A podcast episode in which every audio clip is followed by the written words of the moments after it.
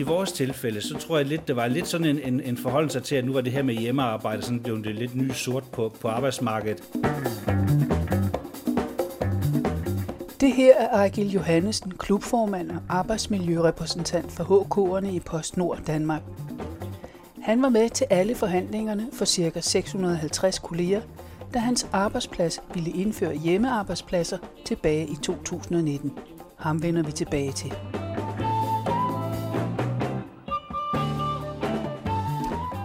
Vi skal her høre PostNords HR-chef Hans Erik Lindqvist forklare en af gevinsterne ved hjemmearbejdspladser. Set i lyset af PostNords dårlige økonomi for et par år siden, spurgte jeg ham om, hvordan hjemmearbejdspladserne blev indført. Om det var for at spare på opvarmning og husleje og kaffe. Det er der værd at tage med. Jeg vil sige, det har ikke været en del overvejelse, da vi gik ind i det. Men det er jo en mulighed, som er opstået øh, her undervejs, og hvor vi er blevet ret opmærksomme på, at vi jo har nogle muligheder for, da vi i forvejen arbejder med storrumskontorer, og ikke hver mand sin plads osv., har nogle muligheder for at optimere på, på arealet. Så vi har ikke hentet de gevinster endnu, men det kommer vi til, øh, og vi har ændret i vores lejeaftaler på vores største administrative øh, site her i København. Er det sådan, at I forventer simpelthen at spare? Altså, der er noget at hente på bundlinjen? Jamen, det er det. Og I har ikke nogen øh, øje for, hvor meget det er, altså i procent eller noget? Jo, altså det har jeg jo, for jeg ved jo, hvor meget vi har sagt op på lokalerne, og det er et sted mellem 20 og 25 procent. Af hvad? Ja, vores husleje og vores øh, samlede omkostninger til det legemål, vi har herude. Når I så har ændret det, så betyder det jo også, at alle medarbejdere kan ikke være på en gang. Nej. Hvad så? Jamen, det er de aldrig. Så det er ikke noget problem. Møder man så de medarbejdere, de kolleger, man gerne vil møde? Jamen, altså, det kræver selvfølgelig lidt en koordinering imellem enhederne øh, herude, de forskellige enheder, fordi hvis en enhed eksempelvis gerne vil have samlet alle medarbejdere, jamen så er du jo nødt til sammen med dem, du bebor området, sammen med at aftale, jamen tirsdag den 20. marts, for nu at tage et eksempel, jamen der vil vi gerne have alle vores medarbejdere samlet, fordi vi har noget mødeaktivitet, og vi vil gerne have nogle initiativer, hvor vi alle sammen er her. Jamen så må du jo aftale med din øh, sambo, jamen så møder I ikke ind tirsdag. Så det kræver det jo, og det bliver jo selvfølgelig sådan lidt bøvlet, men, men selvfølgelig kan det lade sig gøre. Det, der nok overrasker os, det er jo egentlig, at uanset hvor meget vi egentlig har forberedt at skære væk af areal, så er der stadigvæk ledige pladser. Forud for aftalen om hjemmearbejdspladser havde PostNord undersøgt, hvordan og hvor meget kontorerne blev brugt ved at sætte følere på bruger og toiletter. Det viste sig, at der ikke på noget tidspunkt var over 75 procents udnyttelse. Den sidste medvirkende er professor Thomas Bredgaard, Aalborg Universitet Center for Arbejdsmarkedsforskning. I et forskningsprojekt har Thomas Bredgaard og kolleger forsket i, hvordan hjemmearbejdet under coronaen har påvirket arbejdslivet og den mentale sundhed. De undersøgte arbejdsgrupper var ansatte i liberale erhverv, der for mange vedkommende havde hjemme arbejdspladserfaringer, skolelærer, der pludselig blev omstillet og kun skulle undervise via skærm, og hotel- og restaurationspersonale, der blev sendt hjem uden at kunne arbejde. Fordele og ulemper ved hjemmearbejde afhænger af den sammenhæng, det indgår i, og der er derfor ikke entydigt svar, siger Thomas Bredgaard, om det er godt eller dårligt at arbejde hjemmefra. Men her kommer der alligevel nogle bud. Hvis du har nogle arbejdsopgaver, som kan øh, varetages fra en hjemmearbejdsplads, så kan du bedre fordybe dig, du får ro, du har større fleksibilitet, kan passe dit arbejde, når det passer ind øh, i forhold til dit øh, øvrige liv. Og øh, man skal selvfølgelig heller ikke pendle øh, til og fra arbejde, så der får man jo også nogle øh, arbejdstimer øh, foræret, eller får noget fritid øh, foræret. Øh, undersøgelser viser faktisk også, at mange af hjemmearbejdene er øh, mere produktive end øh, dem, der møder fysisk ind på, på arbejdspladserne. Fordi, hvad sker der, når man møder fysisk ind? Ja, der kommer jo så selvfølgelig nogle forstyrrelser og, og afbrydelser. Øh, så, så hvis du som sagt har de her arbejdsopgaver, som, som ligesom kan isoleres, som ikke kræver, at du øh, samarbejder med andre, så kan de faktisk øh, ofte løses mere effektivt hjemmefra. Men nu siger du selv et ord samarbejde. Det er jo en del af, når man sidder hjemme pludselig, og ikke har en kollega, man lige kan spørge, eller sige noget til, eller en chef, som banker på døren og, og spørger. Jamen, der er klart, der, der er nogle arbejdsopgaver, hvor hjemmearbejde er knap så velegnet, og det tror jeg også mange har oplevet under øh, corona. Så, så de arbejdsopgaver, der kræver samarbejde og vidensdeling, og at man måske øh, udvikler noget i, øh, i fællesskab, det, det er rigtig svært, når man sidder øh, isoleret på hver sin øh, hjemmearbejdsplads. Og, og det kræver næsten en form for fysisk fremmøde på en øh, arbejdsplads. Hvad er det for nogle parametre, som du tænker på, som leder skal være i orden, før man går i gang med et hjemmearbejde med en stor flok medarbejdere? Jamen, jeg tror faktisk, det allervigtigste som leder, det er, at man laver sig en ret struktureret plan for, øh, hvordan vil jeg egentlig være i kontakt med mine medarbejdere. Og der kan man sige, der kan være nogle ting, som er generelt i forhold til en medarbejdergruppe, lad os på sige 10-15 medarbejdere, eller hvad man typisk kan have inden for et administrativt område, at sige, jamen det kan være noget med mødestruktur. Jeg vil have, at vi holder møder sådan og sådan med den og den frekvens, og møderne skal struktureres på den og den måde. Det kan være den ene ting, som er vigtigt, øh, og som er et krav. Og den anden ting, at du medarbejder for medarbejder, ud fra en vurdering af, hvad det er for nogle opgaver, den enkelte medarbejder sidder med, gør der nogle overvejelser om, hvor hyppig kontakt skal jeg ligesom sådan, i hvert fald til en start, indarbejde på min dosmerseddel, hvis jeg må kalde det det. Nu skal jeg have været i kontakt med den og den. Så du i hvert fald til en start sådan næsten overgør den der struktur, øh, du lægger på det. Og der er det jo vigtigt at være opmærksom på, at der kan være forskel øh, på behovet, både ud fra opgaver generelt, men jo også ud fra perioder med forskellige typer af opgaver, så det kan jo variere over tid men jo i lige så høj grad også øh, behovet fra medarbejder til medarbejder. Fordi vi må erkende, at alle medarbejdere altså ikke er ens, og nogle har et behov øh, for kontakt til deres leder, nogle har et andet behov, og nogle medarbejdere er måske en kategori, hvor man siger, jamen de orienterer sig måske mere mod nogle kolleger for at få faglig sparring. Og der vil jeg egentlig sige, jamen det er de to ting, som jeg tror er det allervæsentligste som, som leder, det er, at du simpelthen har en konkret plan, både for en generelle mødestruktur, men også for kontakten til den enkelte medarbejder. Klubformand Ejkel Johannesen på Snor er ikke i tvivl om, at det begyndte med en økonomisk interesse for arbejdsgiverne, og samtidig havde hjemmearbejdspladser stor interesse for medarbejderne i PostNord. Mange pendlede nemlig langvejs fra og kunne bedre få arbejde og privatliv til at gå op ved at arbejde hjemme. Inden aftalen blev indgået, var rammerne kridtet op. For det første, så var det frivilligt for den enkelte medarbejder, om man ønskede det. Dernæst, så var det op til den enkelte leder at vurdere, hvem kunne få en hjemmearbejdsplads, og i hvilket omfang. Og det var helt suverænt lagt op til, at hvis en leder sagde nej, så var det nej. Men, men som udgangspunkt er det dig, der starter med at sige, jeg vil gerne, kan jeg få lov. Derfor, Hvad hvis arbejdsgiveren siger, at du skal? Det kan de ikke. Det vil være i strid med aftalen, og vi vil slå hårdt ned på det, og der er ikke sådan ledelsesmæssigt i hvert fald på det store palet, er der ikke noget ønske om, at, at den issue skal dukke op. Så vi har ikke nu efter lockdown ligesom haft en snak om, jamen den skal den aftale revideres. Nej, jeg tror egentlig, at vores erfaring er, at det lykkes, vi synes selv, øh, rimelig fornuftigt at administrere det under lockdown.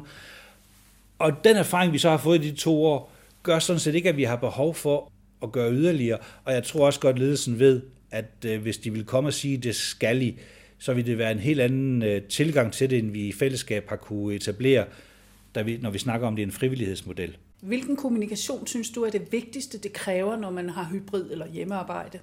IT skal fungere. Altså, man, man, man kan ikke betone det nok.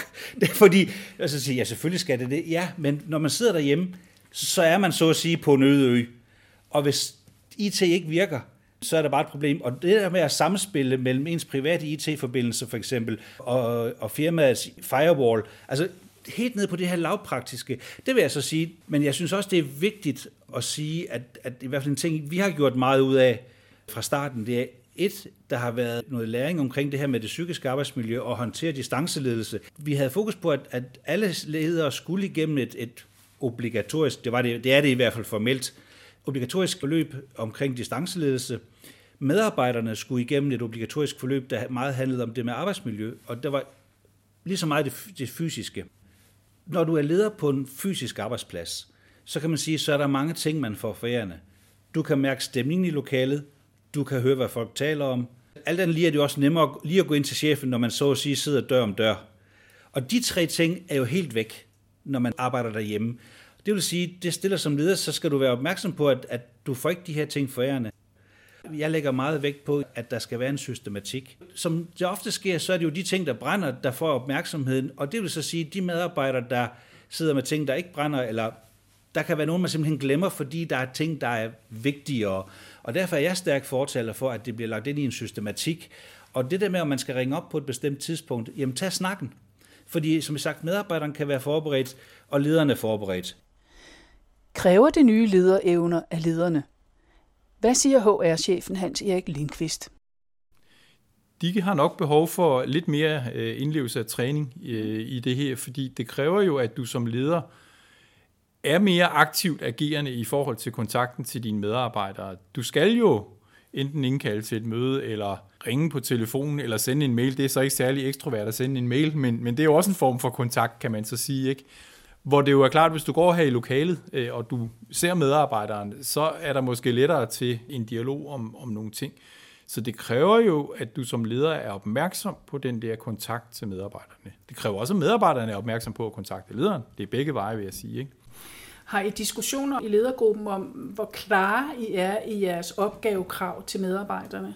Men det, det tror jeg ikke, jeg kan svare firkantet på, fordi der tror jeg, jeg må være ærlig at sige, at det er nok forskelligt fra leder til leder, øh, hvor firkantet man er i sin øh, afgrænsning af opgaver. Og det vil jeg også sige igen ud fra, at der er jo meget forskel på, hvad det er for typer af opgaver, de medarbejdere, vi her taler om, udfører. Ikke? Men, men der er jo ingen tvivl om, at det er jo vigtigt, og det bliver vigtigere med hjemmearbejde, at du har en ret klar definition af, for langt de fleste medarbejdere i hvert fald, hvad det er for en øh, mængde af opgaver, eller typer af opgaver, eller man kan måske også sige det, hvad er det for et, øh, et afleveringskrav, der gælder, før man ligesom kan sige, jamen nu er den opgave slut. Det betyder rigtig meget for rigtig mange medarbejdere, at de selv definerer deres arbejdsdag. Nogle vil gerne starte tidligt, klokken syv, halv syv, så vil de måske holde en længere frokostpause, og så vil de hellere give den et eftermiddags heat, øh, hvor de så arbejder til klokken 5. Og det tror jeg simpelthen fører til, at de samlet set får præsteret mere, og de skal ikke sidde og være irriteret over at øh, hænge i en kø, øh, bilkø tæt på Københavnsområdet. Så jamen, selvfølgelig kan jeg ikke skære alle over en kamp. Selvfølgelig vil der være medarbejdere, der er mindre produktive, fordi de sidder derhjemme og ikke kan administrere den ordning, og, og der er nogen, der er meget mere produktive. Og det er de måske også af de kedelige årsager, nemlig at de ikke kan sige fra og få lavet alt for meget og ikke få holdt fri. Men som gennemsnitsbetragtning, minimum en produktivitetsstigning på 5-10 procent. Men kan det pludselig komme til at blive indarbejdet i den forventning, I har til medarbejderne, at så meget kan vi godt overkomme? At det bliver ved med at være et pres, eller at det bliver mere og mere effektivitet, der kommer til at skulle foregå ved skrivebordene? Det kan man jo ikke afvise, men jeg vil sige, det, det er nu ikke det, vi sidder og kigger ind i, fordi det tror jeg er en meget, meget svær størrelse at styre på den måde. Vi har det jo i forvejen sådan med mange af vores administrative opgaver, men, hvor man lidt kan sige, vi tidsstyrer dem jo ikke så præcist. Der kan man sige, at vi lægger jo en sum af arbejdsopgaver ud til den enkelte, og har jo en fornemmelse af, kan man nå det inden for en rimelig arbejdstid, eller kan man ikke. Der kan være enkelte opgaver inden for det administrative område, man kan sige, jamen der er det måske anderledes. Altså, det kunne være bogholderi og den slags ting, hvor det sådan er mere repetitive, transaktionsbaserede opgaver. Og der kan man sige, det kan jo godt opstå. Altså, jeg kan jo ikke sige andet end, man har jo også en forpligtelse til som arbejdsgiver at prøve at få, få mest muligt af den løn, man betaler inden for rimelighedens grænser. Så jo, det, det tema kan jo opstå, men det er ikke det, jeg ser lige nu. Det lyder som en win-win situation. Besparelser på husleje og øget produktivitetsforøgelse, som også professor Thomas Bredgaard tidligere nævnte. Og så tilfredse medarbejdere. Men der er også andre aspekter, der stiller lederkrav. Man har mere grænseløst øh, arbejde, altså, så, så nogle, nogle fordelen ved det er, at du har en større fleksibilitet i forhold til, hvornår du skal passe dit arbejde. Ulempen kan selvfølgelig være, at man ligesom er på øh, 24-7 og ikke er i stand til at få lukket ned for arbejde og, og holde fri for arbejde. Øh, så igen, der er ledelse jo øh, utrolig vigtig i forhold til at sikre, at der er en klar forventningsafstemning, og at man egentlig hjælper sine medarbejdere med at få lavet en klar grænse mellem arbejde og fritid. Øh, men det gælder jo også i forhold til sådan noget som mødeaktivitet, øh, hvor man jo førhen har haft sådan en standard om, at et, et møde det er et øh, fysisk møde. Rigtig mange møder kan afholdes som, som online-møder, og, og det sparer også en masse transporttid. Og faktisk kan nogle af de online-møder faktisk også nogle gange være mere effektive, fordi at øh, der er lidt mindre øh, sniksnak, og man, øh, man får det hurtigt overstået jeg tror noget af det, der er vigtigt, det er, at man bruger sine, sine erfaringer øh, som så, og, og trækker på dem. Jeg tror faktisk, det, det noget af det, der har overrasket os lidt i vores projekt omkring øh, corona, det er, det virker ikke som om, at der er ret mange arbejdspladser, der har haft sådan en systematisk erfaringsopsamling omkring, hvad har vi lært af corona, og hvordan kan vi bruge corona til at forbedre arbejdslivet og vores arbejdspladser. Øh, og jeg synes jo faktisk, at øh, det vil være helt oplagt øh, for eksempel at bruge nogle af de erfaringer omkring hjemmearbejde og online-møder øh, til at forbedre arbejdslivet med. Når du har siddet som arbejdsmiljørepræsentant, så har du jo også haft føling med, hvad det var, dine kolleger synes, der skulle til for, at det var godt at sidde hjemme og arbejde. Og der har også været nogle regler, og her på det seneste er der kommet en regel, der hedder, at hvis du bare sidder to dage hjemme, så er der ikke nogen fysiske krav til arbejdspladsen. Så er der ikke nogen, der kan sige, at så skal jeg have den stol og den skærm og det bord. Ja, og der skal ikke være nogen tvivl om, at jeg helt klart som arbejdsmiljørepræsentant ikke synes, at det er den rigtige beslutning, der er truffet i forhold til øh, beskyttelsen af medarbejderne. Som arbejdsmiljørepræsentant skulle jeg sige, at når I gør det her, så skal vi tage højde for de her ting arbejdsmiljømæssigt. Og, og, og heldigvis, igen, vi var så langt frem i processen, så, så da lockdownen kom, der havde medarbejderne sådan set fået at vide, at de kunne få udstyret med hjem. Men må jeg lige høre, for der må der være nogen, der ikke har plads, og det er da noget at skrummel af en kæmpe skærm, der er stående derhjemme. Og så huslejen, den betaler man altså selv. Ja, og det er jo fuldstændig rigtigt, og derfor er det også vigtigt at sige, at her starter vi jo med de tre fjerdedele i virkeligheden, der ønskede at få en hjemmearbejdsplads. Så de var jo mentalt og i et eller andet omfang jo også fysisk forberedt på det. Så man kan sige, problemet var reduceret til de 25 procent, der ikke ville, eller hvor chefen tidligere havde vurderet, at det, det kan ikke lade sig gøre. Og så har vi som sagt tilpasset i forhold til den fjerdedel, der, øhm, der for alvor har øh, opdaget, at det her det bare ikke fungerer for dem. Et, det er frivilligt. Du skal starte med at ønske det. Altså, det er ikke forbudt for lederen at spørge, om du kunne tænke dig det, men, men som udgangspunkt er det dig, der starter med at sige, jeg vil gerne, kan jeg få lov. Derfor, Hvad hvis arbejdsgiveren siger, at du skal?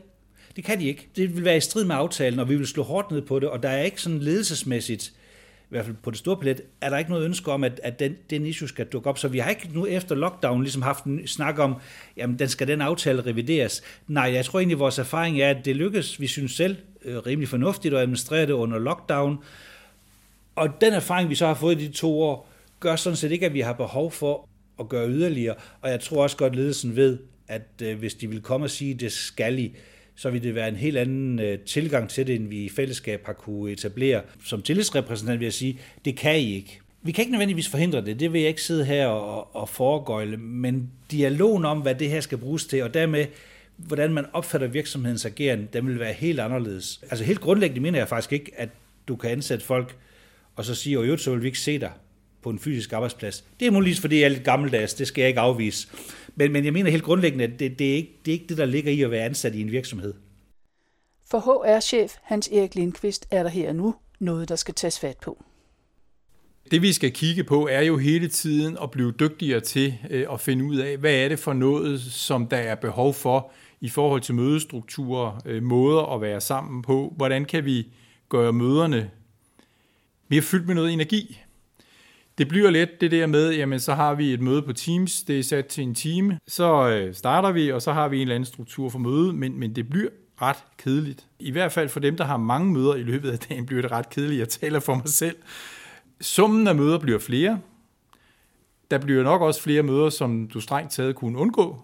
Og der skal man nok passe på, at man ikke får sådan en eller anden kultur, hvor teamsmøder, det er så bare det, der er hele tiden jo mere man så at sige selv tager ansvar for sin opgave, eller er vant til det, vil jeg måske hellere sige, jamen jo nemmere er det, fordi hvis ikke du har behov for at få den her stop and go fra en leder, jamen så er det sådan set lige meget, om du sidder ved siden af lederen, eller du sidder derhjemme. Og på den måde kan man så sige, at, at der kan lederen være udfordret på, at det har været langt sværere, fordi at det har været mere omstændigt at skulle lave en formel stop and go. Der kan der godt være, at der er nogle ledere, der har følt sig presset til, eller erkendt, at de kan ikke på samme måde være ind over det hele, uden at forsinke det yderligere. Da vi for eksempel lavede de sidste to APV'er, der valgte vi helt bevidst at sige, at vi skældner ikke mellem, hvem der møder ind, og hvem der sidder derhjemme. Så der er givet de samme spørgsmål. Så kan nogle af svarene på, hvorfor der er sket nogle forandringer, være, at nu arbejder man hjemme. Det er så bare et af de vilkår, der kunne spille ind på, at der har, der har været en, en lavere trivsel. Men man kan måske også sige, at det er netop der, at lederens ansvar er for at være klar i spyttet, når der bliver uddelegeret en opgave. Helt klart. Du har ikke nødvendigvis noget kropssprog at relatere det til. Øh, og du, igen, du mister også ligesom fornemmelsen, eller kan i hvert fald miste fornemmelsen at sige, okay, hvad er det egentlig, han eller hun mener? Fordi man ikke er en del af en løbende proces, hvor der falder bemærkninger, eller man hører sådan, hvad de andre kolleger arbejder med. Nå, er, er, er retningen ved at ændre sig lidt? Er der noget, jeg lige skal følge op på? Eller, hov, det skal jeg lige huske at, at tage højde for, at, at de råder med det. Igen, der er det vigtigt at give plads og, og systematisere det, efter min opfattelse, at de der ting må man så skabe rum for det og give det tid. Hvad enten ledelsen foregår fysisk på en arbejdsplads eller på distance, er god ledelse det samme, siger professor Thomas Bredgaard, og han fortsætter. Så det handler om at være synlig øh, og være tydelig og lave en klar forventningsafstemning. Og så ligesom øh, have indsigt i, hvad ens medarbejdere de laver, øh, om de trives, om de er produktive fra, fra hjemmearbejdspladserne. Når nu der kommer nye medarbejdere på en arbejdsplads, som måske er meget grønne, så kan man godt føle sig lidt alene. Altså, hvad vil du synes, at det var rimeligt, at en arbejdsplads gjorde i den anledning? Ja, altså det, det har coronaen jo vist, at det med nyansatte har været øh, rigtig svært øh, fra, fra hjemmearbejdspladser. Det har været rigtig svært at, onboarde dem øh, og få sat dem i gang øh, på, på, med deres arbejde. Øh, så, så der synes jeg jo, at læringen må være, at øh, de, de skal møde ind på, på arbejdspladsen, øh, og man skal få lavet en god øh, introduktion øh, for dem. Og som sagt, så, så er der jo ikke ret mange arbejdspladser, hvor, hvor alle arbejder hjemmefra. Der vil jo stadigvæk være noget fremmøde på, på arbejdspladsen. Så, så jeg synes, den, den nye store udfordring består jo egentlig i, hvad skal man sige, at høste fordelene ved hjemmearbejde, og så få forenet det med en uh, sammenhængskraft på uh, arbejdspladsen. Så, så det er ligesom den nye balance, uh, man skal ud og, og finde på, på mange arbejdspladser. Og det kræver faktisk, at man har en systematisk uh, dialog og erfaringsopsamling omkring, hvad der virkede og hvad der ikke virkede under corona, for at man finder den uh, nye balance. Hvordan går det med folk, tror du, der er ansat hjemme? Får de de samme muligheder for at blive set og avancere? Ja, det har øh, tidligere undersøgelser vist, at, øh, at det ikke gør. Øh, det, at det er en af ulemperne ved at være meget hjemmearbejdende. At øh, man bliver ikke set på samme måde, og, og man øh, risikerer, at man heller ikke får de samme øh, muligheder for karriereudvikling og, og forfremmelse. Men der kan man så sige, at hvis der er flere, der arbejder øh, hjemmefra, øh, så kan det godt være, at, øh, at lederne får øjnene mere op over for øh, de hjemmearbejdende. Øh, så hvis det mere bliver reglen end, øh, end undtagelsen, øh, så er det ikke sikkert, at, at det også fremover vil, vil forringe ens øh, karriere og forfremmelsesmuligheder. Men, men, men det, at øh, der øh, kommer mere hjemmearbejde, stiller jo faktisk også nogle fordringer til den fysiske arbejdsplads. Øh, og det er klart, der, der er tilsvarende nok ikke den samme efterspørgsel på, på storrumskontorer, øh, som der var før øh, corona. Øh, så det er faktisk også en af de læringer, øh, vi måske tager med fra corona, at man, skal overveje at indrette den fysiske arbejdsplads på en måde, hvor det, hvor det fremmer samarbejde, vidensdeling, at det faktisk også er muligt at, at få ro og fordybe sig, når man møder fysisk ind på, på arbejdspladsen. Altså, hvis der er flere, der arbejder hjemmefra, så, så kan det måske også blive lidt, øh, lidt ensomt og, og kedeligt at møde ind øh, på den fysiske arbejdsplads. Så, så det er jo det, der det meget handler om nu, at få lavet den her øh, nye balance, øh, hvor vi får øh, mere øh, hybridarbejde, altså en vekselvirkning imellem, vi arbejder hjemmefra, vi møder fysisk ind, eller arbejder på distancen. Hvis man sidder derhjemme og øh, synes, det hele er lidt håbløst, øh, fordi man ikke bliver set, når der bliver holdt et stort teammøde eller noget af den dur, hvad kan man gøre? Altså i hvert fald en af de, de erfaringer, vi har gjort os, er jo, at det her med, at enten så er alle på Teams, eller også så er alle fysisk. Uanset at en halvdel af dem måske ovenikøbet er mødt ind, men der har man simpelthen valgt ledelsesmæssigt. Det er en erfaring, man har gjort sig, og det er så blevet en best practice. Fordi der skal ikke være det her A- og B-hold. Og, det, og derfor, som jeg også har sagt, nævnt tidligere, jeg er meget fortaler for, at man laver den her systematik, så alle medarbejdere bliver kontaktet. Ikke kun dem, der sidder med de mest aktuelle, øh, og det, det ting, der, der brænder på, men også dem, som man normalt, om ikke andet, så vil have sagt godmorgen til, når man gik gennem øh, etagen, så skal de have et godmorgen på et andet tidspunkt. Eller som nogen kalder det, bare check ind, og så sige, jeg vil bare lige høre, hvordan har du det, eller hvordan går det med dine opgaver? Altså mere avanceret behøver det jo sådan set ikke at være. Systematikken i at huske alle medarbejdere er meget vigtig, og det, og det, fordi det påvirker selvfølgelig også det psykiske arbejdsmiljø. Og derfor har vi været meget opmærksom på, med de, når vi lavede APV'en eller trivselsmålingerne, og, at være opmærksom på helt ned på teamniveau, hvor, hvor var øh, afvielserne fra der, hvor vi kom sidste år? Fordi der må være en forklaring. Det skal, det skal der mere fokus på. Nu har I nogle år på bagen med at lave mm. det her hjemmearbejde. Har du så justeret, eller har du set nogle af dine ledere justere for eksempel mødefrekvensen? Ja, det har jeg set. Øh, nu blev vi lidt fanget af corona kort efter, øh, vi var gået i gang med, med det her, så det fik jo ikke sådan en, en blid start, og derfor kom mange jo meget øh, hurtigt i gang. Og der tror jeg faktisk, man til at starte med fik lavet for mange møder. Der var måske øh, nogen, som sagde, at vi har møder hver morgen, bare lige en halv time øh, eller et kvarter. Og der tror jeg altså forholdsvis hurtigt, man fandt ud af, det er for meget. Men for langt de fleste af vores arbejdsopgaver, der er det ikke et behov, at man snakker sammen alle sammen hver dag. Så det blev justeret forholdsvis hurtigt. Og så har vi jo forsøgt at evaluere på det. Vi har faktisk også lavet en spørgeskemaundersøgelse blandt alle, der har haft øh, hjemmearbejde. Det gjorde vi her sidst i øh, 2021. Øh, og der, der har der jo været god grund til egentlig at have en dialog med øh, medarbejderne om, jamen hvad fungerer rigtig godt, hvad fungerer mindre godt, og er der nogle ting, som vi i givet fald skal justere på. Så der har været justeringer af det. Hvad tænker I som virksomhed og ansvar over for den sociale sammenhængskraft i en virksomhed, når man mm. er adskilt fra hinanden? Jamen der vil jeg sige, det er faktisk det, vi har været mest bekymret for. Fordi den der identitet, du alligevel får ved at møde ind under skiltet og brandet, og du kan se, nu går jeg ind på min arbejdsplads, og her har jeg mit adgangskort, og, og, øh, og nu, nu er vi på Snor. Den har jeg jo selvfølgelig været bekymret for. Hvad sker der? Og jeg kan jo ikke svare firkantet på, om, om det sådan på den lange bane øh, får en eller anden effekt, fordi det er jo stadigvæk nok for tidligt at sige. Men når vi spørger til det i den spørgeskemaundersøgelse, vi har lavet, så er der ikke noget, der indikerer, at den bliver svækket, tilknytningen. Det er der altså ikke. Og det er lidt overraskende, synes jeg. Men det kommer selvfølgelig også lidt an på, hvad er det, hvad er det forståelsen af at være en del af en organisation og en virksomhed består i? Og der har jeg jo nok, trods alt med mine mange års erfaring på arbejdsmarkedet, sådan lidt en, en forståelse, som går i, jamen det er jo lokalerne, og det er jo her, jeg er, og det er den fysiske lokation. Og der tror jeg måske, en yngre generation end min ikke ser den tilknytning i lokalet eller den fysiske lokation, men ser den måske mere i, jamen, nu sidder jeg og arbejder, og her er firmaets logo, og nu er jeg inde i et system, og her kan jeg også se firmaets navn, og når vi holder møder af baggrunden, der står PostNord osv. Det er måske bare mig, der har en, øh, en fortidig opfattelse af, hvad, hvad det består i. Vi har i hvert fald ikke set det. Mange gange så bliver det fremhævet, at, øh, og man mener, at hjemmearbejdsplads det er et gode. Men det kan man da ikke se på lønnen. Nej, altså som sagt, også i vores virksomhed var meldingen meget klart, da vi, da vi begyndte de her drøftelser, at der bliver ingen økonomisk kompensation. Og der har der også været medlemmer, der har været frem og sige, ah, men altså, nu sparer de strøm og kaffe og alle de her ting, så skal vi ikke have noget mere. Og, og der har vi valgt at sige, jamen den diskussion ved vi på forhånd, den er dødsfødt. Så må vi flytte over i at sige, jamen vi har et lønsystem, og så må vi være mere opmærksom på det i den sammenhæng, og som sagt, der er jo også en overenskomstfornyelse, der, øhm, der kan gå ind og regulere på de her faktorer på, på en helt anden måde.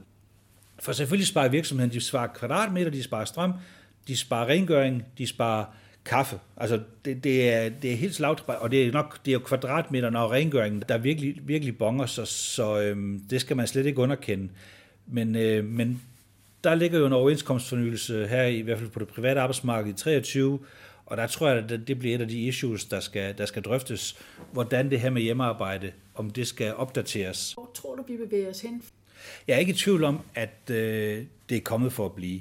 Som sagt, der er meget få medlemmer, der har opsagt deres hjemmearbejdsaftale, fordi de har fundet ud af, at det ikke fungerer for dem. Men der kan jo sagtens ske skift i ens øh, familieforhold, øh, der gør, at nu enten så synes, nu synes man ikke længere, at det er, det er så attraktivt. Øh, netop fordi for eksempel, hvis man bliver alene for nu bare at tage et eksempel, og derfor har et større socialt behov. Og man må bare sige, i hvert fald for de fleste af arbejdspladsen, er det sted, hvor man tilbringer flest vågne timer i hvert fald. Øhm, så, så, så derfor har en arbejdsplads, efter min opfattelse, jo en stor social funktion. Og, og fra HR var der i hvert fald også, da vi startede den her rejse, et stort fokus på, at vi skulle ikke bare se på de økonomiske fordele, eller at den enkelte oplevede, at man pludselig fik en, en eller to timers mindre rejsetid om, om dagen. Det var også vigtigt at holde fast i, at øh, ja, sammenhængskraften eller korpsånden, øh, hele kulturen på arbejdspladsen, fordi den, for, den eroderer lige så stille, når vi ikke har de her mellemmenneskelige relationer. Det fungerer fint, hvis man er en fast, eller er en gruppe, der har kendt hinanden længe, fordi så behøver man næsten ikke kropsprog for at vide, hvad de andre mener, når de siger, eller alle de her ting, og man ved så at sige, hvor, hvor, hvor retningen er. Men det med at, at tage imod nye medarbejdere, ved jeg har været en stor udfordring, og det er nok noget af det, vi i hvert fald kommer til at arbejde med, og så sige, jamen er der, der er behov for noget mere struktureret, fordi det har vi faktisk ikke. Det er lidt overladt til den enkelte leder. Er det så noget fysisk samvær? Det kan være simpelthen at sige, hvornår møder du kollegerne? Eller for den sags skyld, når man tager elever, der jo som udgangspunkt ikke må arbejde alene.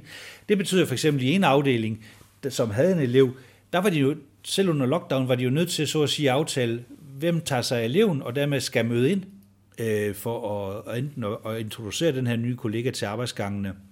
Det er i hvert fald nok en udfordring, vi også som arbejdsmiljøorganisation ikke mindst skal have fokus på at sige, jamen hvor godt er det, hvor godt fungerer det. Det er der ikke i tvivl om.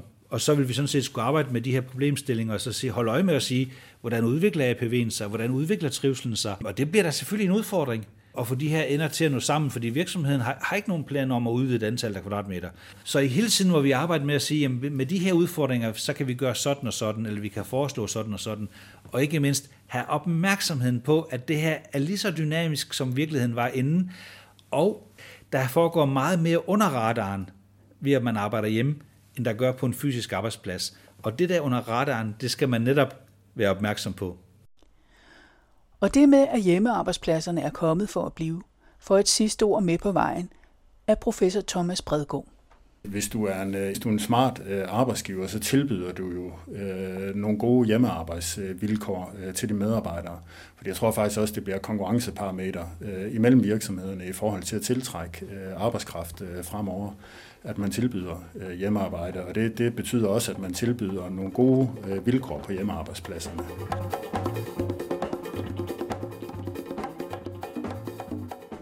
Kan finde mere information på vores hjemmeside om psykisk arbejdsmiljø. For tilrettelæggelse stod Anne Eggen, og podcastserien er støttet af foreningen Velliv.